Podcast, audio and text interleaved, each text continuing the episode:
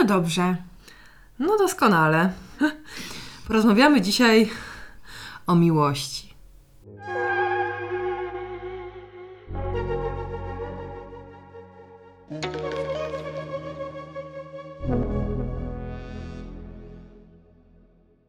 Podobała mi się ta fraza, którą powiedziałaś tu przed wejściem do studia, że przygotowywałaś się do tego odcinka od 10 roku życia. To jest najdłużej researchowany odcinek w historii e, podcastu Czułe Punkty. Tak, ponieważ e, kontynuujemy ten cykl o literaturze młodzieżowej, e, a skoro miłość i literatura młodzieżowa, to to oczywiście myślę, że będziemy mówić bardzo dużo o e, znanym i lubianym cyklu Jerzycjada, który rzeczywiście czytam od 10 roku życia, kiedy dostałam na urodziny książkę Kwiatka Lafiora mm. o Gabrysi Borejko. I jestem pewna, że to mama koleżanki z klasy wybrała tę książkę dla mnie, bo, ponieważ sama ją zapewne czytała. Mm-hmm. E, więc tak, ja te książki po wielekroć e, czytałam. Wszystkie? Cały cykl? Czy, czy, czy tylko kanon? No bo zmusi robić, że jest ten problem, nie? że, że po tam 12 czy 13 tomie zaczyna się jakiś straszny gruz. Zaczynają się apokryfy. Niby ona dalej pisze, a straszne to jest. Czy ja wiem, czy tak jest straszne? Ja powiem szczerze, zbudowałam sobie taki rytuał Aha. wokół tych książek, bo rzeczywiście zaczęłam je czytać yy, yy, będąc dziecięciem. Mhm. Mm, i potem sobie dojrzewałam i czytałam dalej, a potem już byłam bardzo dorosła i nadal um, um, czytałam. E, wymówkę miałam taką, że e, kupowałam mojej mamie na Boże Narodzenie, bo, za, bo oni tak już w pewnym momencie taki zrobili z tego, wiesz, deal mar marketingowy, że te książki wychodziły zawsze idealnie przed Bożym Narodzeniem i e, kupowałam mojej mamie pod choinkę. Mama czytała, a ja myślała, że czyta pierwsza, a ja czytałam już w drodze pociągiem jadąc do domu na święta. Już miałam przerobione. No, ja tak zostawiałam kiedyś Kindle w pociągu, bo czytałam książkę, którą wiązałam na prezent i tak się zapamiętałam w tej lekturze, że wiesz, książka pojechała ze mną, Kindle został. A, no tak. Myślałam, że zostawiłaś, że kupiłaś książkę na prezent na swoim Kindlu. Tak nie, nie mogłam tego Dzisiaj będę ciężko kojarzyć. Myślałam, że jak przyjdziemy nagrywać po jodze, to będę super rzeźka i oświecona, a tymczasem no jakoś siawasana wjechała za mocno. Będę lekko przysypiać. Słuchaj, a którą ty jesteś siostrą Borejko? Albo którą bohaterką Jerzycjady? Kurczę, to jest strasznie trudne pytanie. Ty zawsze mi takie pytanie zadajesz, ja nie wiem, co mam odpowiedzieć. Wydaje mi się, że teraz jestem już bardzo blisko takiej postaci, której nigdy nie rozumiałam i nie lubiłam. Znaczy nie to, że nie lubiłam, ale nie rozumiałam jej za bardzo. Czyli um, jak ona miała na imię, Boże? Ta młoda mama, ta co zawsze brała zimny prysznic rano i szła biegać. Gabrysia Borejko. No. Więc wydaje mi się, że otóż e, to jest e, o dziwo obecnie moje wcielenie, natomiast wcześniej w ogóle tej postaci nie rozumiałam i Miałam do niej duży dystans. Bo Gabrysia Borejko zawsze była taka rzeczowa, rzeczowa w tej swojej książce, tylko że potem okazało się, okazywało się, że z tą rzeczowością to e, nie umie ryby usmażyć i się zakochuje w, w chłopie, który ją porzuca z dwójką dzieci i ucieka do Australii. Tak było. Ale to była jej pierwsza miłość, a potem wzięła lekcję z tego i już się nie zakochiwała tak łatwo. To prawda. Czy też w ogóle. Nie, ona tam miała potem męża, ale rzeczywiście Gabrysia, Gabrysia Borejko, mm, najstarsza z sióstr Borejko, e, trzeci tom, Kwiatka Lafiora, ona mnie irytowała trochę, bo ona była tą taką, wiesz, jak już była dorosła, no. taką zawsze po prostu matczyną, jakąś postacią we flanelowej koszuli z grzywką obciętą własnymi nożyczkami, ponieważ abnegacja jest jakby przyrodzonym stanem intelektualistki i nie wypada dbać o wygląd, bo wtedy jesteś pusta. Mhm. I ona z tymi ciepłymi, brązowymi, rozśmianymi oczami o, o właśnie, no. wszystkich o, otaczała ja. opieką. I... Ja tylko tych brązowych oczu nie mam. No nie masz, nie masz. Bardzo bym chciała mieć. Ale Całą resztę masz brązową.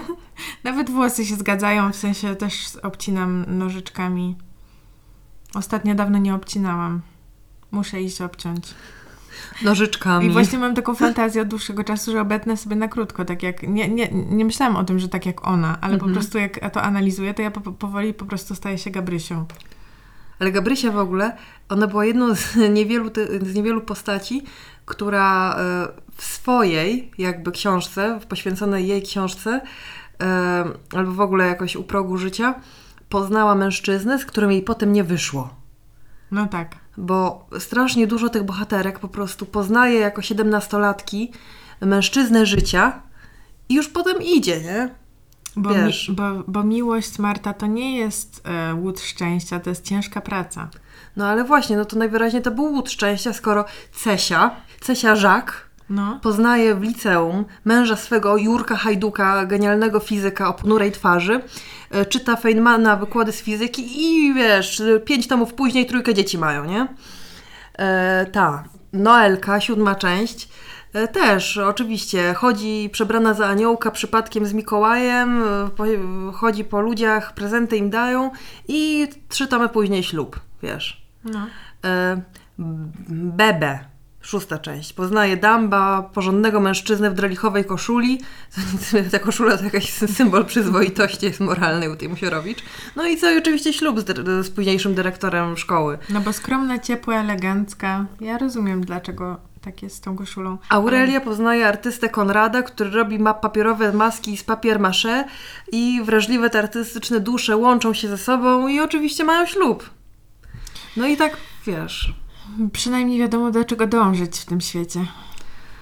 Wi wiadomo, jaki jest ten e, złoty gral. No jest to, ja naprawdę myślałam, że to tak życie wygląda, a okazuje się, że jest to oczywiście głęboko nieżyciowe. E, Wielka ściema.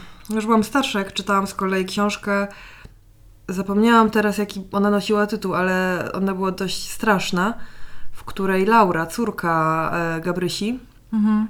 i, i, ma lat 18. A to i... nie Tygrysek i Laura? Nie, ona wtedy była jeszcze młodsza, miała lat 13 wtedy. Jezu, my tak mówimy, zakładamy, że wszyscy tych bohaterów znają. Czy, czy jakiś wstęp może? Słuchajcie, dla osób, które nie wychowywały się w Polsce, powiedzmy wprost, mm, trzeba nadrobić. Przynajmniej jeden tom dajcie sobie, bo będziecie nie wiedzieć, o czym się mówi w towarzystwie, szczególnie w Poznaniu. Jerzy Jada jest to wielotomowa saga Małgorzaty Musierowicz, która opowiada historię rodziny Borejków. Ojciec jest filologiem klasycznym, matka robi coś z niczego, e, a tak naprawdę pod pseudonimem pisze e, chwalone i wystawiane na scenach polskich dramaty, ale tego się dowiadujemy dopiero w dalekim, dalekim tomie. E, w każdym razie jest to bardzo intelektualna rodzina, w której wszyscy cytują Horacego, gdy mają problem, piją herbatę. E, oraz ich znajomi, przyjaciele, szeroko rozumiane kręgi, które też w tym Poznaniu mieszkają. No i czego tu nie lubić? No, herbaty. No i wracając do tej Laury, to ona właśnie mając lat, lat e, nie wiem, tam 17 się buntuje, coś tam, a 18-19 zaczyna marzyć o słodkim małżeństwie. Już, nie? Ona chce wyjść za mąż. A porozmawiajmy o mm, OG małżeństwie mhm. w, tym, w tej sadze. Czyli Lucjan i Barbara Mostowiakowie, Jeżyc. mm, um, przez większość tej sagi dziadkowie lub wręcz pradziadkowie, bo to jest najciekawsze, wydaje mi się, znowuż jak w zeszłym odcinku rozmawiałyśmy o tym, jak... Um, rodzina Łożogowskiej jest taka dziwna i się ją czyta dzisiaj jako, jako dziwną i podejrzaną, a, a w, w, dzieciństwie się ją czytało jako taką cieplutką i wspaniałą i taką e, godną pozazdroszczenia. Podobnie ja miałam z Borejkami, szczerze mówiąc. Mhm. Chociaż tam wszyscy nadają na tego ojca i y, narzekają na niego, to jednocześnie są ukochany, wspaniały, uwielbiany przez swoich studentów znakomity pan profesor, legenda żywa. Ale on nie był profesorem. On, nie był, on był nauczycielem chyba, nie? On nie, on pracował w Bibliotece Raczyńskich, mieszać się z Dmuchawcem, czyli ukochanym A, nauczycielem no polskiego tak. wszystkich tych ludzi. Oczywiście. A on tylko pracował w bibliotece, tak? Tak, był tylko. także internowany. Mhm. Ma więc piękną e, e, kartę solidarnościową. No ale Ignacy Borejko jest filologiem klasycznym, e, o ciepłych brązowych oczach mhm. i jest krańcowo nieporadny życiowo przy tym. Taki stereotyp e, jakby intelektualisty, który nic nie ogarnie, za to chętnie cytuje Horacego.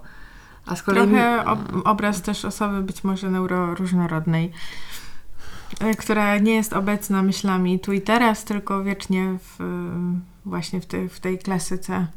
Te obrazy po prostu y, osób potencjalnie neuroróżnorodnych to są jak, jakimś dziwnym trafem zawsze, zawsze mężczyźni. No właśnie o dziwo, ale może ktoś już przeprowadził taką analizę polskiej literatury pod tym kątem. Pod kątem niezdiagnozowanych... Y, nie, to nie... nie, no chodzi mi o to, że rzeczywiście jakby jakoś bardzo się wybacza tym mężczyznom bycie nieobecnym, y, nie udzielającym się w życiu rodzinnym, nawet nie tylko, że wybacza, tylko się to postrzega jako jakąś taką cechę yy, uroczą. Uroczą, taki wymiar szlachetności i jakąś taką wartość moralną, nie? W tym. Oczywiście, oderwanie od przyziemnych spraw, od tak. tego, co tam na obiad i wiesz, i że prze, prze, fruniesz 5 centymetrów ponad kurzem na podłodze. No i zawsze może, można z tą osobą porozmawiać ciekawie. Długie godziny. Tak. I te dzieci też mają taki start dobry w życie, bo od dziecka dyskutują z e, dziadkiem o antycznej literaturze i potem mogą zagiąć swoich rówieśników. Ja się z niczego tak wielu sentencji łacińskich nie nauczyłam, jak Żyncjady to przyznam. A przytocz jakąś. E, na przykład, e, kurde, już nie pamiętam, było po łacinie. E, mala herba vita crescit, nie jestem, nie jestem pewna tego ostatniego mhm. słowa, ale złe ziele szybko rośnie. Albo było też na przykład nie dawaj dziecku miecza, co też znów zapomniałam, jak jest po łacinie. Kiedyś znałam to, to lepiej te wszystkie sentencje. Ale wracając do Ignacego, jest y, w jednej z, nie wiem, chyba w siódmym tomie y, taka scena, kiedy y, jest Wigilia Bożego Narodzenia. Następnego dnia córka jego Ida bierze ślub i okazuje się, że brak dla niej pantofli ślubnych. Coś mhm. się stało, no tak, nie tak, tak. dojechały tak. pantofle, więc cała rodzina jest zaangażowana w gorączkowe poszukiwanie pantofli ślubnych białych rozmiar 41. E, I Ignacy Borejko e, ofiarnie włącza się w te poszukiwania, wcześniej złamawszy sobie kość ogonową podczas wieszania firan, więc leży spowity w te firany na podłodze, trzyma telefon i dzwoni informując pogodnie Idę, że oto znalazł dla niej pantofle, tylko że e, rozmiar 37. Ale są. Można brać. No i właśnie. Czy to jest w ogóle wiarygodny portret? Czy ktoś tak naprawdę może żyć? No właśnie. Pytanie to pozostawmy nieodpowiedzianym. Nie od, bez odpowiedzi. A, a ty, którą chciałaś być pod postacią? Um, ja chciałam być Idą, chciałam być, bo ona mi się wydawała taka, taka spontaniczna i nerwana i mi się to podobało, mhm. bo miałam kompleks bycia nudnym dzieckiem. O, zadziwiasz mnie. Um, kto mi się tam jeszcze podobał z tych bohaterek? Kłamczucha mi się też podobała. Hmm, mi też. Przez to zainteresowanie teatrem chyba wtedy, jak, jak mnie pytałaś, z kim się utożsamiałam, to mi się wydawało, że i w ogóle mi się podobał ten wątek, bo tam jest, wiecie, w tej, w tej, to jest jedna z pierwszych powieści, czy tam w ogóle pierwsza w tym... Druga. Druga. Mhm. Rok 79 wydania. Bardzo mi się podobał w tym, w, w tej powieści taki motyw, że ona wyjeżdża z y, domu do jak to było? Do, do Poznania na, sta na stację? Do jakichś znajomych? Czy do rodziny? To nie, to było tak, że ona mieszkała w, gdzieś nad morzem, koło brzegu, nie, nieważne. E, I ojciec jej był... E, Marynarzem. Tak. I był wo wobec Anieli bardzo apodyktyczny, a ona poznała w tej łebie letnika imieniem Pawełek i Pawełek był słodki, był jak rurka z kremem. Wymienili przysięgi miłości. No i Pawełek odjechał do Poznania wraz ze swoją matką, panią doktor Dąbrowską i ślad po nim zaginął. Więc Aniela, e, jakby wiedziona y, miłością, postanowiła jadę do Poznania. Mhm. I pojechała do Poznania. E, adres znała, Pawełka, y, i postanowiła zatrudnić się tamże jako pomoc domowa. U pani A. doktorowej Dąbrowskiej, czy tam nie pamiętam dokładnego tego nazwiska. No tak. I udawała Franie, pomoc domową, i patrzyła, jak to Pawełek jej nie rozpoznaje jako swojej miłości wakacyjnej, a za to spotyka się z Danusią, która wygląda trochę jak Jane Birkin, ma przerwę między zębami i pisze słabe wiersze. O. No bardzo mi imponowała ona właśnie w tym takim yy, takiej bezkompromisowej walce o swoją y, miłość i o to uczucie. Takie kładzie, kładzenie wszystkiego na, yy, na szali. Yy, zrywanie z jakimkolwiek poczuciem bezpieczeństwa i po prostu wyjazd do obcego miasta, do obcych ludzi, no i takie kłamstwo. Tak, teraz już pamiętam to wszystko, ale ty zaskakująco dużo szczegółów pamiętasz z tego. Ty czytałaś to jakoś ostatnio, żeby sobie... Czy tak po prostu masz? Ze trzy lata temu, jak byłam chora, to sobie czytałam. A, czyli masz trochę na świeżo. No. Ale mi zawsze jakoś tak przepływała ta literatura, powiem szczerze. Że to takie, tak, taki ciepły wiatr, który os, o, o, owiewa moją twarz i po prostu leci dalej. Niewiele, niewiele z tego pamiętałam. Pamiętałam za to, um, przeżywałam bardzo jakieś takie dramaty, które były w Opium w Rosole, bo tam była... To była najbardziej gruzowa książka, w tym sensie, że najsmutniejsza. To no, było, no. się działo w czasie stanu wojennego, zima, szaro, mrok, małe dziecko, której rodzice się rozwodzą, a matka choruje, chodzi po blokach i wprasza się na obiadek do różnych rodzin. No, ale była urocza w tym, no. ale jednocześnie jak tak sobie zastanowić się nad życiem tego dziecka. Hmm. A jak ty w ogóle odbierasz teraz te książki, y, znając y, Poznań bliżej? Bo dla mnie to była kraina mityczna zupełnie. Dla mnie też stara. Jak ja pierwszy raz poszłam na rynek Jarzycki, dowiedziałam się, że tam jest obok ulica Libelta i Roosevelta. No. To ja szukałam po prostu składu kołder, który był pod domem Borejków. Ja też pamiętam mój, mój pierwszy wyjazd do Poznania, yy, jakaż byłam zawieziona, że nie spotkałam nikogo z Borejków tam na miejscu. Tropiłam te adresy wszystkie. No, przyznaję to teraz jakby z pewnym takim roz, rozrzewnieniem, że, że byłam wielce zakochana w tym, w tym cyklu. I nawet wziąłam kiedyś udział, słuchaj, w konkursie Aha. Y, wiedzy na temat y, Jerzycjady. On się taki odbywał tam co roku. Był, były eliminacje szkolne, potem okręgowe, potem się jechało na konkurs ogólnopolski. No, Jakie były pytania w stylu, e, co zjadła nutria tak. E, nad jeziorem z Filipem? Były bardzo, bardzo szczegółowe pytania o bardzo konkretne rzeczy i na tym polegał ten konkurs. Mhm. E, I byłam święcie przekonana o tym, że bardzo szczegółowo czytałam te książki i na pewno świetnie je pamiętam. Jakieś było moje zdziwienie, kiedy nie przeszłam do następnego etapu. Bo okazało się, że są jakieś kujony, które... Wykuje życjadę na pamięć. Wykuje życjadę na pamięć i no, jest też dużo szczegółów w tych książkach, o które można pytać, więc jest to na pewno też wdzięczny materiał do stworzenia takiego konkursu. Niemniej jednak wydaje mi się to trochę chorobliwe, żeby czytać książki w ten sposób, żeby dokładnie pamiętać, co jadła nutria. Nad jeziorem Gopło. No. No właśnie.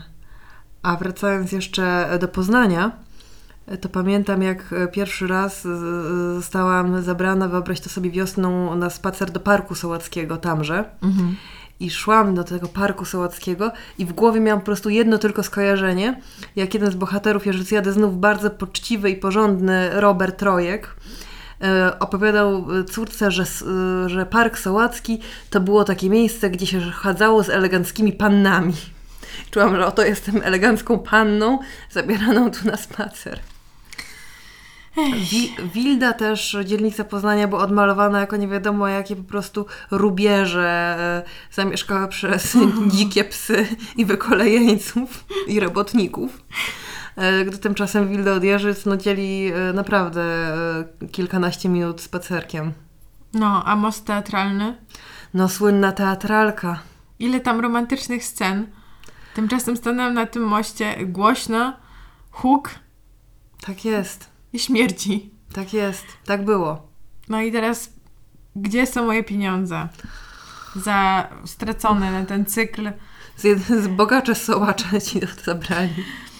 Mm, no właśnie, no. A ty czytałaś wszystko do końca? Już chyba ostatnie jakieś części pominęłam. Nie, nie śledzę po prostu ile, ile ich wyszło, ale rzeczywiście sporo tych książek przeczytałam. Yy, tak. Hmm. Mi się wydaje, że przeczytałam wszystkie do końca. Uuu. No. Ale ostatnio, ostatnia jakoś słuchaj, wyszła w 2018 roku. A jaki tytuł? Ciotka z Gryzotka.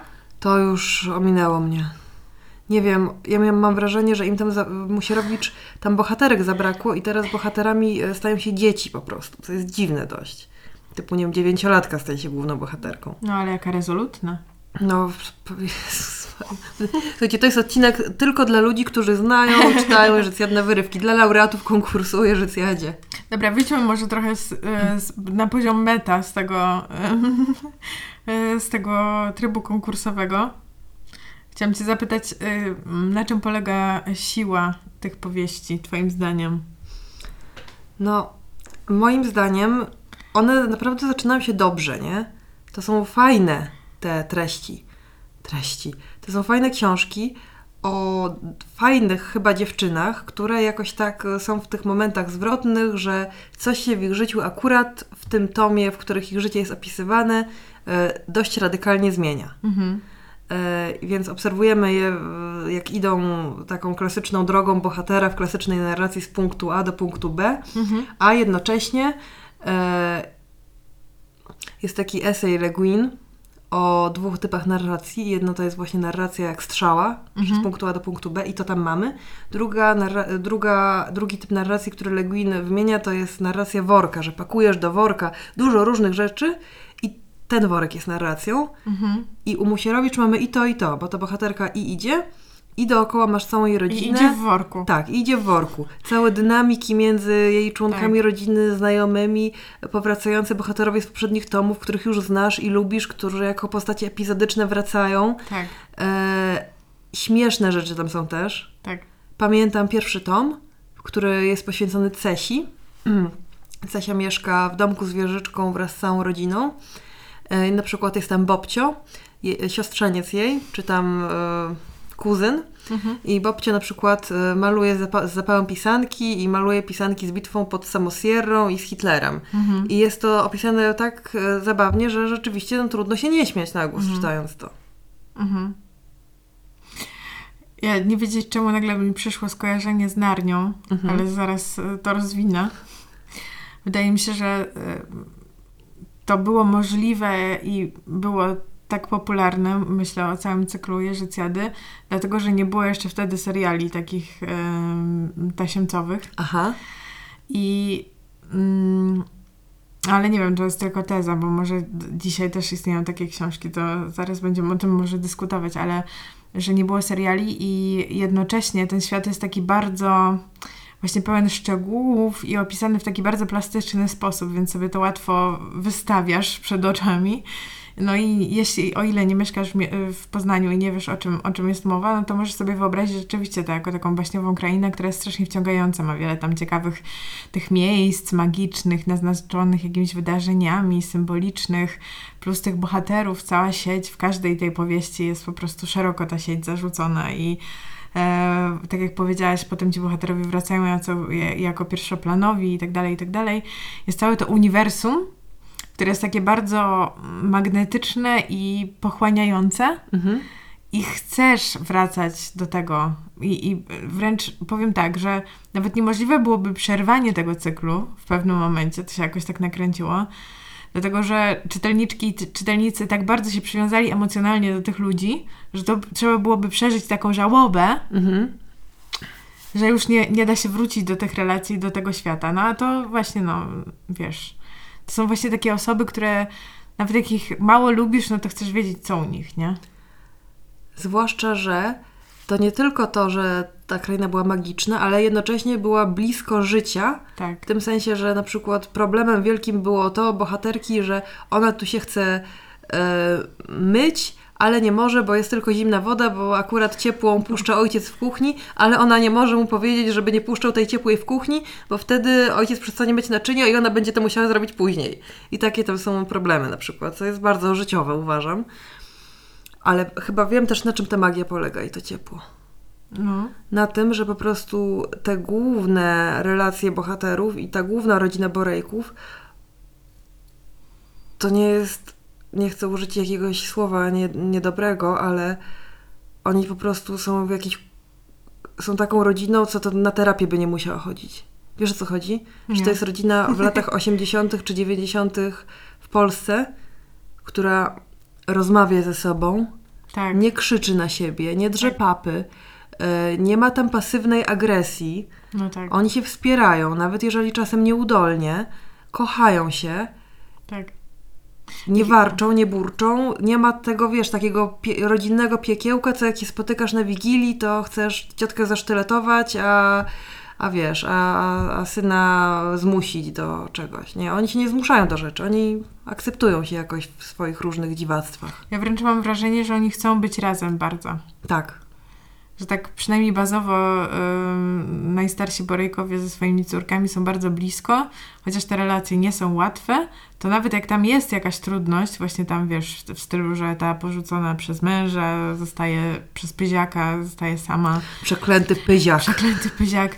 No to ten pyziak jest y, postacią peryferyjną, w sensie on nie zatruwa toksycznie tego, tego domu, no nie? Mhm. One po prostu stwierdziły, że go odcinają, dobra nara. I ona co prawda tam za nim tęskni i jest naznaczona tą utratą jakoś tam, ale to nie jest taki dramat, że one się po prostu taplają, wiesz, w rozpaczy, że tam ktoś siedzi cierpi na depresję. Ty wyobraź sobie, jak to jest trudno się wrzenić do takiej rodziny, że, no. że zawsze ta podstawowa komórka społeczna Borejków będzie ważniejsza niż twoje małżeństwo z siostrą Borejko. No, tutaj, prawda, zaczynają się schody dla co niektórych, ale też pamiętam za każdym razem, jak jakiś facet tam przychodził do tego domu i miał być, prawda, kandydatem na ewentualnego... A przytyfikantem był to ileż tam było dyskusji na jego temat i oceny, czy on się dobrze zna, czy przejdzie test z e, literatury antycznej. Punkty mieli na starcie Janusz oraz Klaudiusz jako posiadacze imion. No, no, no, no. I to wszystko. Ale rzeczywiście to, nie wiem, dla mnie przynajmniej to, to był jakiś taki substytut e, jakiejś takiej... Mm, takich bardzo bezpiecznych relacji i takiego bardzo bezpiecznego świata, do którego z miłą chęcią po prostu cyk, cyk uciekałam. Mhm. Za każdym razem, kiedy się nadarzała okazja. I gdyby ktoś mi to zabrał, gdyby Musierowicz powiedziała, ja już nie chcę więcej pisać na ten temat, to pojechałabym osobiście do Poznania i jej wy, wyciągnęła po prostu ją za język, żeby, żeby napisała to dalej, nie? No ale właśnie, to co jest gorsze, czy, czy, czy zejście ze, ze sceny, czy też powolne dożynanie tych bohaterów po prostu w męczarniach. Co się wydarzyło? No, ojciec Borejko, weźmy jego przykład. No weźmy. Filolog klasyczny, ponad ziemią, e, w ogóle nie przejmujący się sprawami przyziemnymi, pełen jakby tolerancji dla córek i dla ich miłosnych wybryków i, i ciekawy świata, ciekawy tych absztyfikantów zmienia się na starość w jakiegoś po prostu w jakiegoś szpiega, kontrolera, który szpieguje wnuczkę do spółki z jej bratem, bratem tejże wnuczki, żeby wytropić, yy, czy, te czy ta wnuczka nie spotyka się z czasem z chłopakiem, yy, który jest bratem innego chłopaka, który omamił jej siostrę. Wiesz czaisz, ten dziadek pod balkonem y, podsłuchuje pod drzwiami, krzyczy, że tutaj Monteki wszedł do Capuletti, bo oczywiście jest tam nadbudowa literacka nad tym wszystkim, no ale generalnie zachowuje się strasznie. Y, więc no właśnie, więc tak postacie się po prostu degenerują tam i jest to bardzo nieprzyjemne dla czytelniczki, która lubiła ich od dziecka.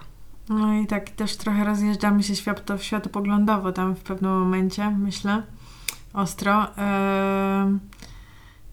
tak pod względem tolerancji dla różnych mm, osób niewierzących, tudzież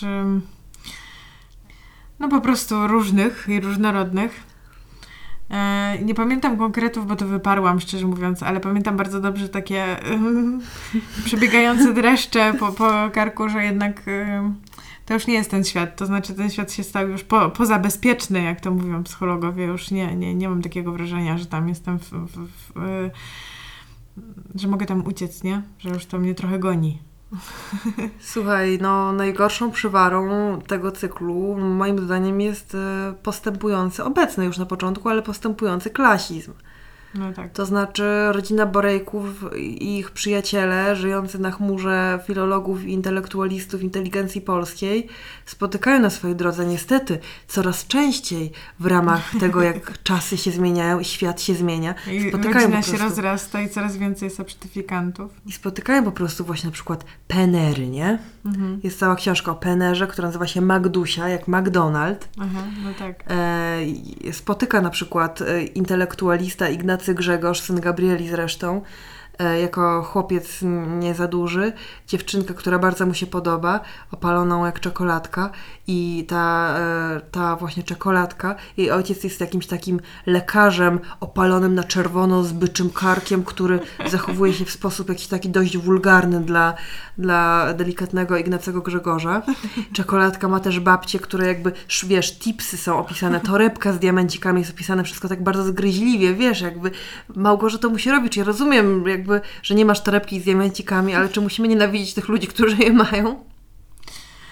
No, myślę, że też kurczę, to jest jakieś takie, że my, my, my, my byśmy, jako czytelniczki, myśmy by chciały, żeby, żeby ta autorka zatrzymała się w czasie sama, jako osoba i może nie, nie zmieniała poglądów, a może po prostu tworzyła ten świat cały czas na takich samych zasadach, a tutaj no... Ja myślę, że to nie jest zmiana poglądów nawet, tylko jakiejś takiej... Płynie czas. Mm, jakby, nie wiem, zaryzykowałabym może, że z mniejszą empatią wobec świata są te a, no książki no tak, pisane. No, tak. no to mówię, że to w czwartym tomie była taka rodzina w Idzie Sierpniowej, która też pod, mogła zostać opisana klasistowsko. Byli to upiorni bracia lisieccy, którzy okazali się z takiego jakiegoś, wiesz, nowobogackiego domu. Mhm. E, ale to było pokazane jakoś ze współczuciem dla tych e, braci lisieckich że mają tak dużo pieniędzy. Nie, że mają, że, że, tak w domu nikt z nimi nie rozmawia, że ta rodzina taka, wiesz, wgapiona w telewizor, no tak, tak, tak. Że, że to przez to oni stają się łobuzami, nie? I, I takie jakieś współczucie wobec tych dzieci było, a potem to już tam współczucia nie było. Hmm.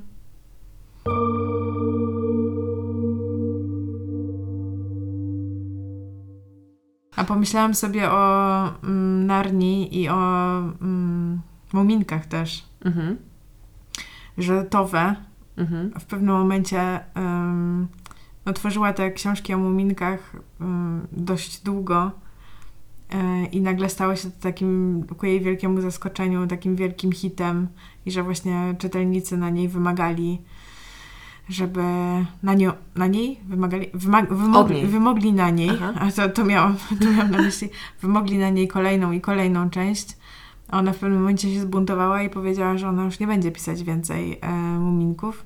Mhm. I napisała e, Dolinę Muminków w listopadzie, czyli taką powieść, której... E, czytałaś to? Nie. Nie? Ale możesz powiedzieć.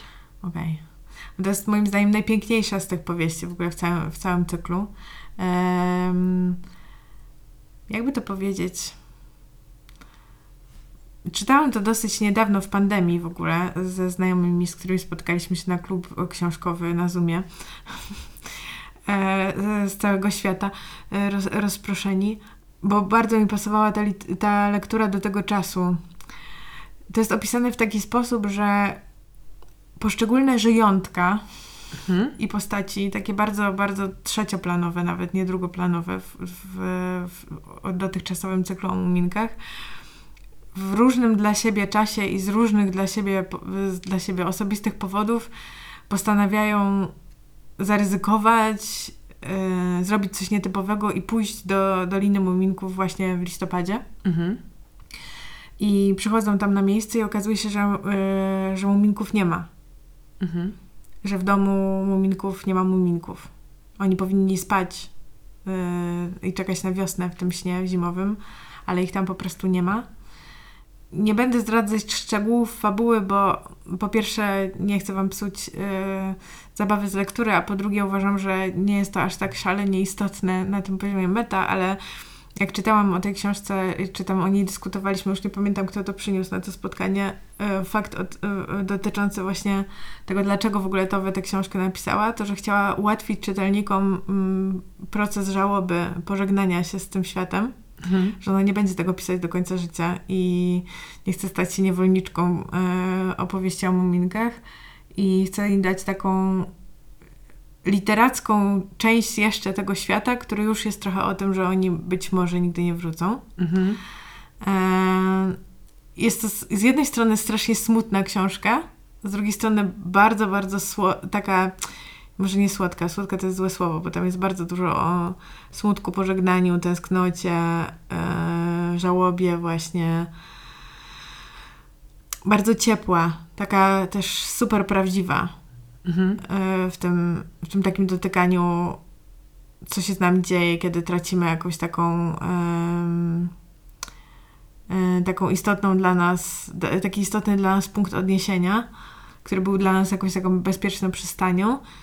I właśnie dlatego ona wybiera tam bohaterów w, w, w, dużej mierze takich, których albo wcześniej nie było w książkach, albo byli bardzo, bardzo pobocznymi postaciami, żeby właśnie tak trochę na, na tej zasadzie jakby wprowadzić czytelników do tego świata, że oni też byli, żyli gdzieś tam na obrzeżach powiedzmy tej doliny e, i teraz wchodzą do tego świata jako już właśnie ci pierwszoplanowi bohaterowie i oni trochę muszą podjąć decyzję, czy chcą żyć swoim życiem.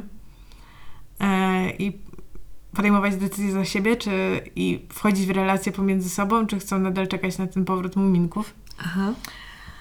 Jest absolutnie piękne i mistrzowskie literacko, to znaczy tam wszystkie metafory, obrazy, wow, klękajcie narody, po prostu towe.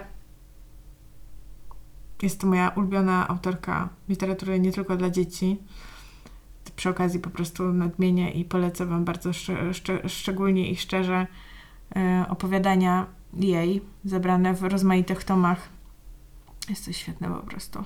A o Narni jeszcze miałam powiedzieć. No bo Narnia się kończy mniej więcej w podobny sposób, to znaczy mhm. Aslan po prostu mówi, że... Że Zuzanna nie wejdzie do Królestwa Niebieskiego, bo pończocho lubi szminkę. Też, ale też kończy się po prostu ten... Mm, cała ta powieść takim zawieszeniem w sumie, um, ten cykl powieści jest takim zawieszeniem w sumie akcji, że nie wiadomo, czy ten świat, wiesz, no, że on no, nie, nie istniał naprawdę i nie wróci, nie da się do niego wrócić. No, pani Małgorzata Musierowicz ciśnie, nie? pani Małgorzata. Oj, ciśnie ona. Jest, nie chce zawieść czytelników swoich. No, słuchaj, y, odcinek, y, ponieważ odcinek ma być o miłości i o różnych dziewczynach fajnych, no. to ja może e, użyję przykładu miłości jako e, przykładu tego, jak te historie się degenerują. No. W pierwszych tomach jak te miłości się zawiązują? No różnie. No na przykład Cesia ma w klasie ponurego Jerzego, którym gardzi, ale potem zaczyna dostrzegać, że on to w sumie taki mruk, ale fajny i interesuje się fizyką i sama też zaczyna czytać książkę o fizyce. Aniela przyjeżdża do swojego słodkiego Pawełka, po czym się w nim odkochuje i zaczyna grać w teatrze. E, wiesz, no różne tam są historie, sytuacje. Ida kocha się w ponurym Krzysztofie, ale też i, i, w Klaudiuszu też się kocha, nie, w Klaudiuszu ona się... No, ale właśnie, w każdym razie, no różne jakby te kobiety, generalnie te dziewczyny znają tych swoich wybranków, nie? I rozmawiają z nimi, jakoś ich obserwują, interagują z nimi. No i tak różnie, wiesz, różnie się te relacje plotą, różne tam są zawirowania oczywiście. A jak w końcu Laura w powieści Sprężyna poznaje swego finalnego ukochanego po, po poprzednim ukochanym, który okazał się jej e, niegodzien. Ja ci przeczytam. Przeczytaj. Ja ci przeczytam, bo to, to jest taki pasus, którego po prostu ludzie e, toczyli bekę niezłą, ale być może słuchacze i słuchaczki nas nie pamiętają. Otóż Laura była utalentowaną śpiewaczką, a tak było, no. Tak, ona nie tylko tyle, że była piękna absolutnie o jedwabistych czarnych lokach tak i stalowo-szarych, przeszywających oczach, ale też była niezwykle utalentowaną śpiewaczką. E, I zatrzymała się ona w Poznaniu, usłyszawszy, jak uliczni grajkowie grają Mozarta. I Laura tam stoi, i to jest z punktu widzenia jej, e, narrator trzecioosobowy, ale, ale e, z punktu widzenia Laury. Młody, szczupły mężczyzna w brązowej kurtce, stojący naprzeciwko niej w grupce słuchaczy, tak samo jak ona zagryzł usta, założył ręce. Wyglądał na pozór spokojnie, ale Laurze bardzo często się zdarzało wychwytywać prawdziwe znaczenia spoza słów i faktów. A teraz odbierała wyjątkowo wyraźnie silne emocje, jakie ten człowiek powściągał. Aż biły od niego, niewidzialne, lecz wyczuwalne, jak fale energii. Była przekonana, że kiedy tak słuchają Mozarta oboje razem w jednej chwili, z całą pewnością muszą czuć dokładnie to samo, ponieważ piękno, jak złota nić, połączyło ich i związało. I tam jeszcze chwila, ci muzycy już się zbierają. Ida i słuchaj. Młody mężczyzna w kurtce wreszcie podniósł czoło. Ciemne oczy spojrzały prosto w oczy Laury. Poważnie, spokojnie, a nawet smutno. Ale od tego długiego, mocnego spojrzenia złota nić zacisnęła się wokół serca w mocną pętlę i Laura na chwilę przestała oddychać. Mhm. No i potem mężczyzna ten wsiada do ciężarówki z napisem Daglezja, coś tam kwiaty, gospodarstwo, więc Laura ofiarnie jeździ na rowerze do ciotki Patrycji, która obok tej Daglezji mieszka i tam chodzi i szuka tego swojego ukochanego. E, a na koniec okazuje się, że jest, wyobraź to sobie, polonistą e, w szkole u jej e, kuzynki. Poznaje tego polonistę wcześniej, dziadek Borejko, Ignacy Borejko, nasz mm. ukochany bibliotekarz. I ma on od razu, tak czuje, on czuje, że to byłby idealny mężczyzna dla Laury, ten polonista. I poznają się w końcu, kiedy. Laura śpiewa w tej szkole koncert na zakończenie roku i oczy ich padają na siebie raz jeszcze. I to jest to, Laura i polonista. No, czy mogło być coś piękniejszego? Nie wiem, no może jakby wiesz, porozmawiali z sobą więcej niż trzy razy, wymieniając spojrzenia nad różą w gospodarstwie rolnym Daglezja, to może byłoby fajniejsze, ale. Słuchaj, no ja yy, rozumiem świetnie tę scenę. Kibicuję takim, takim porozumieniom w zachwycie, że nic nie trzeba rozmawiać, że wszystko jest po prostu w złotej nici. No powiedz, czy nie chciałabyś takiej miłości przeżyć? No ja przeżyłam taką, no nie, no. A czy o tym książki trzeba zaraz pisać? Bez, bez, bez słów. Wspaniałe. No. Problem polega na tym, że ta, ta, ta, um, wydaje mi się, że jak się człowiek tak naczyta tego, mhm. a jest tego w polskiej literaturze dla nastolatek dosyć sporo, to potem sobie tak wymodeluje sobie w głowie, że to tak właśnie powinno wyglądać. Tak. I idzie na koncert muzyki takiej czy owakiej. Ujrzy. I łowi tylko, gdzież tu mój mąż. I łowi, i gdzie on, gdzie on tak stoi, i któryś to jest taki zasłuchany i potem sobie dopowiadasz różne rzeczy i mimo tego, że fakty przeczą tym założeniom, to i tak ciśniesz po prostu, to jest niemożliwe, żeby on nie był tym od złotej nici. Przecież on tak, tak słuchał tego Schuberta. Oczywiście, no właśnie. A mm. no właśnie, jak to porównasz na przykład z drugim tomem, gdzie to, to jest świetne, świetne porównanie, bo w drugim tomie Aniela Kłamczucha cała złota nić mieści się w obrębie dwóch tygodni, zmieszczonych na dwóch stronach i okazuje się, że złota nić no jednak istniała tylko w bujnej wyobraźni Anieli i cała książka jest o tym, co potem. I to jest realistyczne. No, to, tak, tak, to zgadzam się zdecydowanie. No, ale myślę sobie o tym, jak, jak strasznie uniwersalny jest ten motyw. Ale wydaje mi się, że zastanawiam się, co było pierwsze, literatura czy życie. Że tak jak jesteś nastolatką, to tak sobie po prostu wyobrażasz to, że to tak będzie działało. I ale to trzeba było jakąś ankietę przeprowadzić wśród czytelniczek i czytelników oraz słuchaczek i słuchaczy naszego podcastu, czy, czy tak to pamiętacie, że tak to wyglądało, że człowiek sobie tak na podstawie jakichś właśnie mikrospojrzeń układał całą historię w głowie, bo czytałam teraz y, na potrzeby, znaczy słuchałam, korekta, y, na potrzeby dzisiejszego odcinka większego kawałka świata Joanny Chmielewskiej. Mhm. i tam jest no jest to wspaniała literatura zupełnie nie o miłości, zdawałoby się, no bo jest to literatura przygodowa, tereska, okrętka, niezdarne, nie, nie, nie, nie znające świata, jednocześnie bardzo pewne swego, znaczy Tereska bardziej zdecydowanie niż okrętka, wyjeżdżają na Mazury mm, i, i łapią stopa, stop je wywozi w przeciwne miejsce niż one chciały, bo chciały jechać do Augustowa, zostają wywiezione sam koniec jeziora Mamry.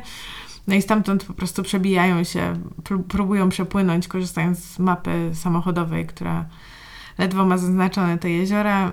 No, do, do swojego punktu docelowego. W każdym razie jest tam właśnie motyw tego, że one, wiesz, są wszystkie te konkrety takie yy, o, dotyczące tego, jak pływają, jak zdobywają pożywienie, z czym mają problem, wiesz, co się dzieje w lesie i tak dalej. Tak, wszystko jest takie bardzo właśnie z, z, literatury przygodowej, a jednocześnie pojawia się tam wątek miłości. Aha.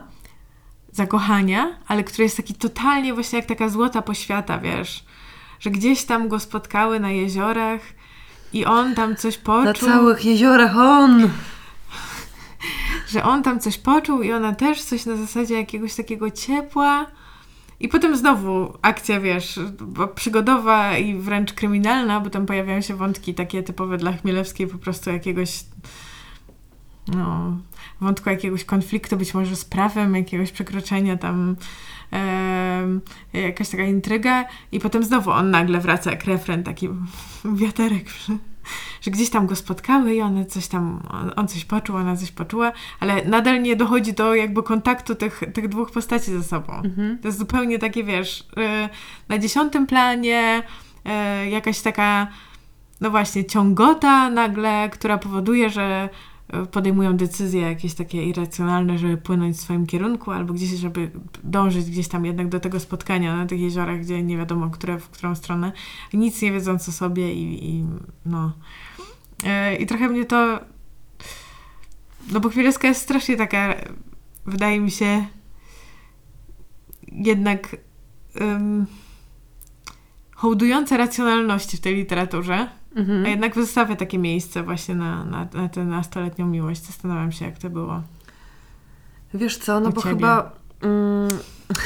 Czy kupujesz te wątki? Nie, ale poczekaj, no bo nastoletni... to jest właśnie realistyczne, yy, że opisujesz w powieści nastoletnią miłość jako uczucie, które każe bohaterce podejmować nieracjonalne decyzje, ale prawdziwe nastolatki również podejmują w miłości nieracjonalne decyzje, być może nie dlatego, że to jest natura każdej nastolatki, tylko być może dlatego, że konsumują od dziecka kulturę, w której tak się dzieje, w której ta miłość to jest jakaś siła po prostu fatalna, która e, wszystko zmienia i świat wywraca do góry nogami, nie? Hmm. I dzieje się od tak, tak, od stryknięcia. Więc wiesz, więc moim zdaniem to jest kolejność literatura, życie, literatura. że nigdy się nie wyrwiemy z tej matni. No. I dziecko sobie poczyta literaturę, ty się czegoś dowiesz o świecie, a dowiadujesz się po prostu jakichś takich kalek, które ci potem wiążą wolność wyboru i nakładają klapki na oczy. To już bardziej realistyczne jest Przeminęło z wiatrem, jeśli chodzi o obraz Dobra, nie będziemy teraz analizy tego robić. Miało być Uważam bardzo realistyczne powieść, jeżeli chodzi o miłość. Okay. A wśród nastole, nastoleckich um, lektur znalazłeś jakieś takie wiarygodne opisanie? Wiesz co? Nie wiem też na ile ono jest wiarygodne, ale bardzo mi się spodobało i jest trochę w kontrze do tych złotych nici. Mhm. Hanna Orzogowska znów, mhm. książka Za minutę pierwsza miłość. Mhm. Była taka książka Hanny Orzegowskiej Głowa na tranzystorach, która jest o przygodach kilkorga chłopców z klasy bodaj szóstej. E, oni tam mają różne afery. Śmieszna jest to bardzo książka, dialogi jak, jak to u Orzegowskiej wspaniałe. E, no ale później jest klasa już siódma i ci chłopcy idą do klasy siódmej w kolejnej części i wtedy bohaterkami stają się też ich koleżanki z klasy. Hmm. I tam e, dzieci te mają no, jakby najróżniejsze e, sytuacje i zawirowania, dużo rozkminiają o świecie, dużo się zastanawiają, rozmawiają ze sobą, tak wiesz, nastoletnie filozofie rozpatrują, a co to znaczy być takim człowiekiem, a co to znaczy być, nie wiem, e, melancholijny, a co to znaczy być realistą, na przykład się zastanawiają, co to znaczy być realistą. E, a też mają zupełnie głupie przygody z rodzeństwem i tak dalej. No ale ewidentnie dojrzewają i w związku z tym pojawiają się też zainteresowania damsko-męskie, męsko-damskie. Mhm. I na przykład tematyka pierwszych randek jest tam przedstawiona z dużą dozą realności, realizmu. Mhm. E, na przykład klasowa piękność, Ewa, dochodzi do wniosku, że no to już tak trochę wypada, by z kimś chodzić, ktoś tam mi się podoba, ktoś tam trochę mniej, no ale właśnie tak podoba jej się taki jeden starszy chłopak, który tak innym dziewczynom też się podoba i ona się tam z nim, sama go tak zaprasza na randkę i potem tak kmini, czy to, to tak było dobrze, że ona tak bezpośrednio go zaprasza, no ale dobra, idzie. Mhm. Wymalowana e, w ciemnościach w łazience, bo, bo tam się spieszyła, żeby, żeby tam nikt nie dostrzegł, że ona taką umalowana. No i wraca z tego spaceru przejęta tym, że Wojtek takim był mrukiem i wraca i babcia na jej widok załamuje ręce. Dziecko, jak ty wyglądasz? Ewa ma zielony tusz cały po prostu na twarzy. E, I wiesz, no życiowa sytuacja bardzo, prawda? Nie powiesz, że nie. No i teraz wiesz, jest chwila nauki, chwila morału, że w sumie zaczynają się, e, że Ewa najpierw załamana, ale potem w sumie zaczyna się z tą babcią i z siostrą starszą z tego śmiać, I następnego dnia w szkole zamiast gorzko, zamiast to przełknąć gorzko i unikać Wojtka, podchodzi do niego, zbierając całą swoją odwagę w sobie i mówi Wojtek, co za historia, jak wczoraj weszłam do domu, spojrzałam w lustro, to po prostu nie mogłam. E, Bardzo I, podziwiam. I wychodzi na fajną dziewczynę w oczach Wojtka dzięki temu. No i takie są lekcje w tej literaturze na przykład. Bardzo podziwiam. Jest tam jedna para, Ewa i Marcin, to znaczy para kolegów z klasy, którzy tak mają się ku sobie. Druga Irka i Kostek. Irka i Kostek tacy mniej są, wiesz, filmowo piękni, bardziej taki, taki intelektualny poziom reprezentują, rozkmin między sobą, tak z koleżeństwa to wychodzi. E, ale na końcu właśnie Kostek słyszy, że on ci Irce podoba, bo tam w, e, w szatni za kurtkami jakoś przypadkiem słyszy i po prostu serce mu rozrywa ten, wiesz, zew wiosny, na, słysząc to. Ale na przykład z kolei Marcin e, z innych takich historii drobnych, realistycznych i cennych w sumie i oderwanych od złotych nici, docenia bardzo Ewę za to, że szli razem na randkę i Marcin chcąc być elegancki, pożycza parasol od brata. Mm. Brat Wacek daje korepetycję, w związku z tym jest ogromnie bogaty. E, ma czarny parasol, e, przedmiot pożądania e, najwyraźniej młodzieży w PRL-u. I Marcin zawija mu ten parasol potajemnie i idzie z tym parasolem, wiesz, do kawiarni na ramieniu. No ale zostawia przypadkiem ten parasol i o nagle nie. orientują się, że nie ma parasola z Ewą. I Marcin opowiadając o tym przyjacielowi, jak to wyglądało, mówi: No i wiesz, i wtedy Ewa, no niesamowite, bo po prostu ja w panice, a ona z zimną krew. Dobra, gdzie go ostatnio miałeś? W kawiarni, wisiał na poręczy. Dobra, to idziemy do kawiarni. I tak to zarządziła, że po prostu nie zdążyłam się zestresować porządnie, a już był znaleziony. No wspaniała dziewczyna. Wspaniała. No wspaniała, ja też tak uważam. I widzisz, takie zalety są podkreślone. Dystans do siebie i ogarnianie w trudnej sytuacji. Tak. Boże, jakieś się emocjonuję. Tym, że chłopiec nastoletni potrafi docenić, że dziewczyna jest ogarnięta. Wciąż z PRL-u. No, bardzo mi się e, podoba jedna z pierwszych interakcji w, w tym, w, w większym kawałku świata właśnie, e, kiedy rzeczywiście, bo one przez bardzo długi czas płyną po tym jeziorze same mhm. i nikogo nie spotykają, ale w końcu dochodzi do spotkania gdzieś tam mniej więcej w połowie książki z ich rówieśnikami i, I jest tuż po takim jakimś wypadku, że ktoś tam je próbował przez przypadek prawie je tam, wiesz, utopił w tym w jeziorze, bo na nie wjechał za bardzo. Więc on, ten, ten, statek podpływa i tam ta łódka, w sensie nie statek, podpływa do nich i, i ci chłopcy tam je zagadują i one e, i się okazuje, że to jest ktoś znajomy, w sensie, że, że się znają z poprzednich wakacji. E, I, I dziewczyny do niego tam właśnie, wiesz, e, ty, to, to, to ty właśnie próbowałeś nas zatopić? On mówi, niech mnie ręka boska broni, żebym takie dziewczyny próbował utopić. I rzeczywiście one są takie dziewczyny, w sensie przez pierwsze pół książki, bo w ogóle to jest e, drugi tom z cyklu w ogóle o Teresce i Okrętce, więc e, ja nie czytałam tej pierwszej, ale zdaje się, że bo, jakby bohaterki są już znane czytelnikowi na początku tego drugiego tomu. Ale nawet jeśli nie, to one przez pierwszą połowę tej książki po prostu tak, tak śmieszne i jednocześnie tak urocze są te dziewczyny, że wybierają się same właśnie w tę podróż i płyną składakiem i są spakowane bez, bez pojęcia, mają za dużo rzeczy, nie zabrały rzeczy jakichś super istotnych, jak mapa na przykład tych jezior. Jednocześnie podejmują to ryzyko, że pojadą tam, gdzie w ogóle nie planowały, że jakoś, to, jakoś sobie dadzą radę, jakoś to przepłyną nie wiedzą gdzie nocować, więc lądują w jakimś rezerwacie, jakiś strażnik je tam po prostu przepędza. Mm, dzika zwierzyna, wiesz, no sytuacja w ogóle albo na przykład wypływają wieczorem na środek jeziora, bo myślą, że już czas ruszyć i e, nie, nie liczą tego czasu i nie zdają sobie sprawy z tego, że jest już za późno, więc lądują w, po środku jeziora w kompletnej ciemności, przerażone tym, że, um, że słyszą chlupot czegoś. To jest bardzo plastyczne i jednocześnie potrafisz sobie wyobrazić, ile to wymaga jakby siły ducha, mhm. jakiejś takiej odporności życiowej, żeby dać radę takiej przygodzie, e, nie oszaleć tam tych ciemnościach i nie poddać się. E, no i sam fakt, że to są jakby dwie dziewczyny, koleżanki, z których jedna ewidentnie jest bardziej bojaźliwa, druga bardziej bohaterska, bo, bo tak to się układa, ale one ze wszystkim sobie dają radę budują jakieś po prostu, wiesz, e, maszty z patyków i żagiel z koszuli nocnej, ciągle wymyślają coś. Zresztą Chmielewska jest z wykształcenia, ona była um, tą architektką, więc ona ma dużo takiej wiedzy technicznej. I mam wrażenie, że momentami w tej książce to jest wręcz jak taki, dobra, a teraz zaczynamy DIY. wiesz, jak zbudować ognisko w lesie, jak nie masz zapałek tam, wiesz, czegoś. Albo jak zrobić ze składaka właśnie z, z tratwy um, coś, co, co ma żagiel. Albo jak y, złowić ryby w momencie, kiedy nie masz wędki. I są po prostu różne takie kolejne przygody, które one mają, a jednocześnie nie masz takiego poczucia, że to jest jakoś na siłę bardzo napisane. Mhm. Ale wracając do tych bohaterek, ja od właściwie pierwszego rozdziału wiem, że to są takie dziewczyny, z którymi chciałabym się zaprzyjaźnić i chciałabym z nimi pojechać na, na, na Mazury następnym razem. Są niesamowite. Piękne bohaterki.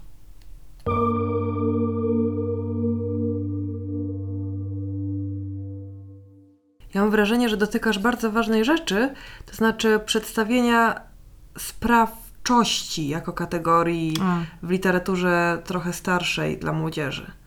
Że tak jak te twoje bohaterki płyną tym e, kajakiem czy łódką. To jest składak Zefir. Teraz ci pokażę, jak to wygląda. Tak wiesz, tak e, Aniela Kowalik wyjeżdża z Łeby i ogarnia sobie liceum mieszkanie. No. Jakby nie oglądając się na, na świat, na, na ojca i tak dalej. E, tak samo no, to, ten motyw tego, że nastolatki coś wymyślają i to realizują, jest częsty jednak, mam wrażenie, w tej, w tej perorskiej literaturze dla młodzieży. Oraz również to, co mówisz, y, że było u Tereski Okrętki, to nawet jeżeli ta miłość jest, i ona jest ważna oczywiście w, cza w czasie nastoletnim, ten crash z, z oddali, co spojrzy na ciebie ciepło i ty tak czujesz, że to może on, to no. jednak to jest jeden tylko z, z, elementów licznych życia i tego, co Cię ciekawi tak. i co Cię interesuje. E, była taka książka Ząb Napoleona Aleksandra Minkowskiego, mhm. której akcja rozgrywa się w latach 70. E, bodaj, albo i 60. E, na wsi, w małym miasteczku. Tam przyjeżdża bohater do babci swojej, Heleny. Mhm. Bohater ma rozdarte serce, ponieważ dziewczyna jego Agnieszka zerwała z nim na żaglach a przysięgała wcześniej, wiesz, przysięgała, że oni do końca, że oni razem, że oni nie wiadomo gdzie, zerwała. Więc on przyjeżdża leczyć serce do babci. No i wiesz, myśli trochę o tej Agnieszce, ale tutaj okazuje się, że jest jakaś dziwna młodzież, co gra w siatkówkę. Jakiś dziwny wielki pies, ponoć tu duchy straszą. Jakieś historie, jak, że tu Napoleon coś tam się zatrzymał kiedyś.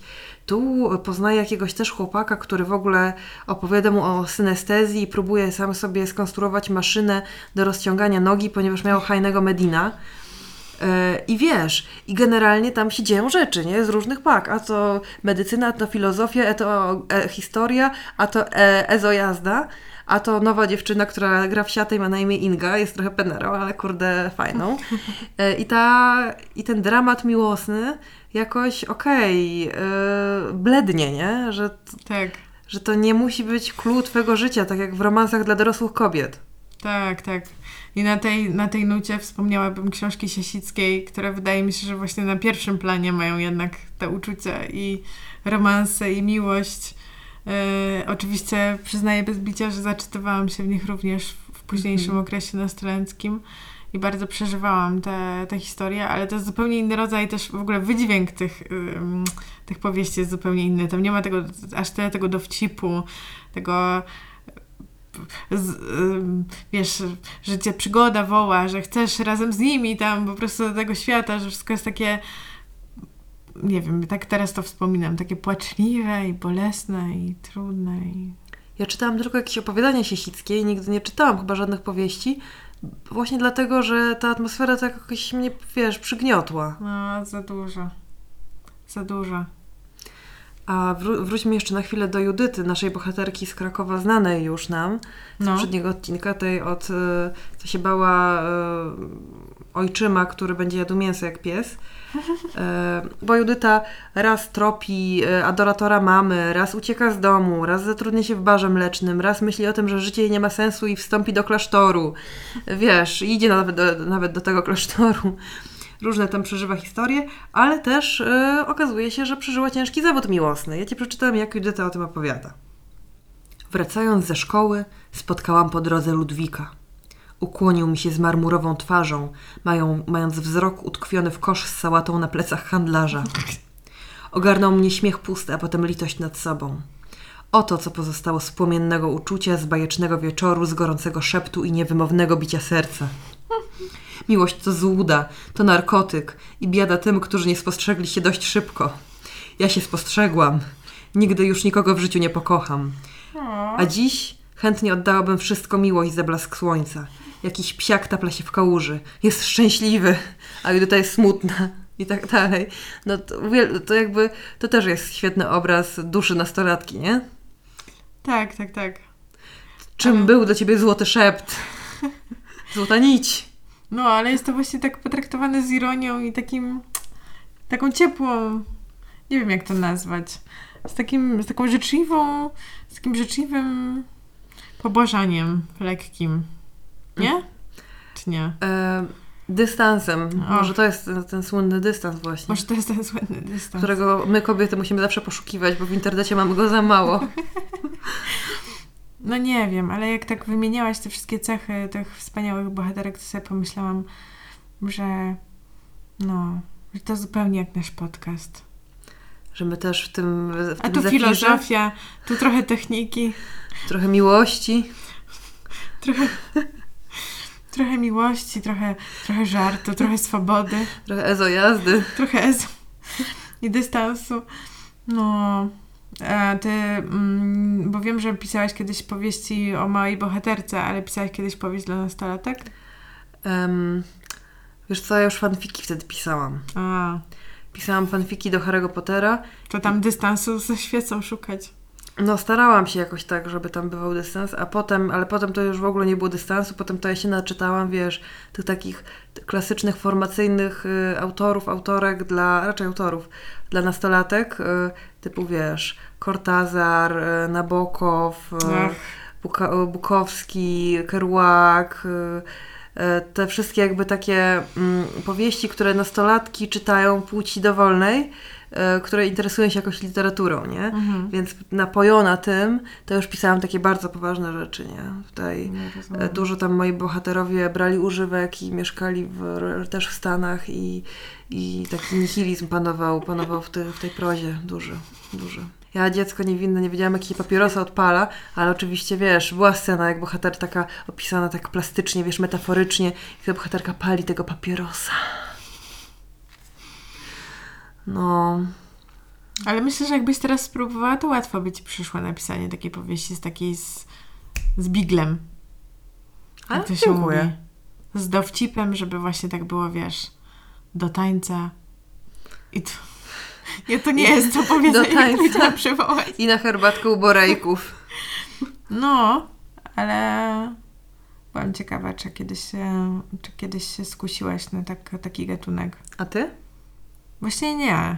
Jeszcze kiedy się e, w ogóle parałam pisaniem czegokolwiek i próbowałam pisać, to e, zdecydowanie nie byłam w momencie, kiedy miałam dystans do czegokolwiek. Mhm. To, to były raczej właśnie takie, wiesz, melodramaty w stylu Siesickiej i pewnie próby jakiegoś takiego od e, odwzorowania tych wszystkich takich, wiesz, mrocznych dramatów tak jakby e, Wednesday pisała swój pamiętnik, ale Wednesday Adams e, pisze pamiętnik, ale bez, bez e, tego wszechwiedzącego narratora, który daje jakąś możliwość ucieczki, oddechu, tylko po prostu się nurzasz w tym atramencie, rozpaczy i czarnowictwa, no, więc... No u mnie jak bohaterkami były nastolatki jakichś takich nawet, mi, wiesz, miniaturowych opowiadań, nie? Takich mm. na jedną stronę w Wordzie to one, on to, tam też były tragiczne historie miłosne, to były dziewczęta no. dorosłe przedwcześnie. Pamiętam taką książkę, jedną z najbardziej, um, no bo wiesz, jak, jak czytałam tę te, literaturę dla młodzieży, to jednak tam trochę trąciło myszką, nie? Że w sensie, mhm. ten PRL już był, jakby te realia tak, tak żywo oddane już trochę były przebrzmiałe. Ale pamiętam, jak um, autorki um, nadal twór, e, płodne twórczo próbowały jakoś tak dosięgnąć tych współczesnych światów i tak współczesnych realiów, jakoś tak wejrzeć w duszę, yy, no powiedzmy moją. I pamiętam taką książkę Dziewczyna Mistrza Gry. E, czy Wiesz, dziewczyna o... szamana, czy on był mistrzem gry RPG? Tak. E... Czy chciała spać u stóp mistrza RPG? Nie, było to wszystko tak strasznie pretensjonalne, że no wtedy jak, jak już się zjechały powiedzmy mm, te czasy mhm. powieści, e, to, to miałam takie duże odczucie, że to jakby strasznie trąci fałszem jednak.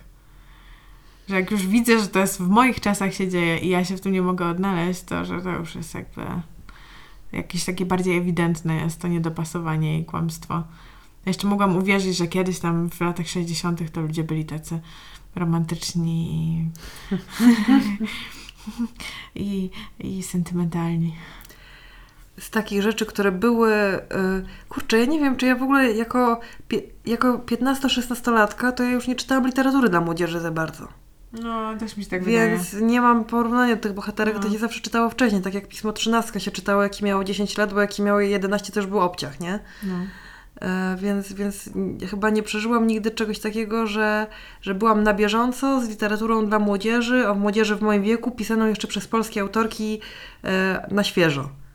A ty miałaś w ogóle jakąś taką ulubioną bohaterkę nastoletnią z tych wszystkich powieści? Taką dziewczynę, z którą po prostu fest się utożsamiałaś i chciałaś być dokładnie taka jak ona? Uuu. Uuu. e, kurczę, no nie wiem, nie wiem. Nie, nie mam pojęcia. A ty miałaś taką?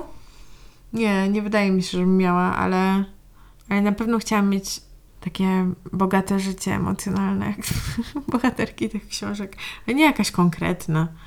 Dlatego dużo, le- dużo łatwiej się żyje, jak się ma mm, dużo książek pod ręką i można te miłości, tak wiesz, co tydzień nowa miłość, bo w realnym życiu to trudno było, no. Cały czas do tej samej klasy, Nikt się nie przeprowadzał z jednego końca Polski na drugi, ani nawet nie pojawił się na wyspie ten obcy.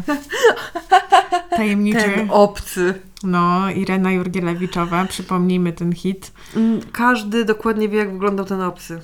Każdy miał tę książkę z, tą samą, z tym samym nastolatkiem na okładce. Gdzie on teraz jest? Co robi chłopak, który był na okładce tego obcego? Gdzie jest jego fryzjer? to był czad.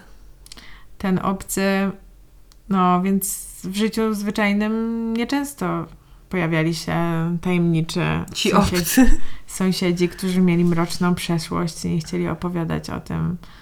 Czekaj, ja właśnie sobie wzięłam tego, tego obcego. Jezu, jakie usta ma ten chłopak. Ty pamiętasz? Takie zmysłowe, szerokie. Zobacz. Jak maliny. No i taką zwichrowaną grzywkę. Chociaż to nie jest grzywka, to jest taki, taki lok w sumie. Boże. I to spojrzenie spod oczu takie... Chłopaku, kim jesteś? Ile masz teraz lat? Ja bym chciała sprawdzić w sumie, jak on wygląda dzisiaj. Chłopak, Weź... chłopak z okładki tego obcego dziś. W ogóle, czekaj, googlamy. Kim był chłopak? Okładka ten obcy. Oczywiście zapytaj o net.pl. Ten chłopcy, jak, ten obcy, jak nazywa się chłopak z okładki tej książki? Ktoś pisze Zenek Wójcik. Zenek Wójcik Jesteśmy... to jest nazwisko bohatera. A. Już myślałam, że jestem na tropie. Kurde, no słuchajcie, niech ktoś to zresearchuje. Jak nazywa się chłopak z okładki tego obcego? A, Jedno zadanie. A może ktoś ma w ogóle tę książkę w domu? Bo ja chyba miałam to wydanie, ale nie wiem, gdzie ona jest teraz. Może gdzieś w mojej tak zwanej bibliotece pod schodami. E, jeśli macie to wydanie tego obcego i wiecie, o którym wydaniu mówimy, to jest wydanie naszej klasy z takim chłopakiem, no właśnie takim, jak z go takim opisałam. Chłopakiem. To może na przykład na odwrocie okładki jest napisane, czyja to jest fotografia użyta na tej okładce i kto jest. E... I my do tego dojdziemy potem, jak wy, wy, wytrawne detektywki z powieści dla młodzieży. Mam nadzieję, że tak się stanie, bo szczerze mówiąc, teraz się strasznie wkręciłam w research tego tematu i chcę wiedzieć. O, to ma być ten znajomy.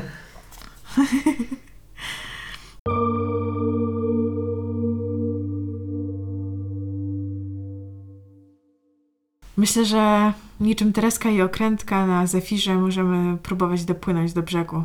E, tak. E, na wyspach, gdzie czeka nas ten obcy. Ten. Jest, dobra, ja nie mam głowy do tego. Życzymy e, Wam wszystkim, drogie słuchaczki, drodzy słuchacze, e, pięknego weekendu. być może z jakąś ciepłą lekturą, być może z ciepłą herbatą, być może e, na moście teatralnym, wsłuchując się w dźwięk samochodów. Mam nadzieję, że może nie. być przewiewnie. Dziękujemy serdecznie naszym matronkom i patronom, jak zawsze.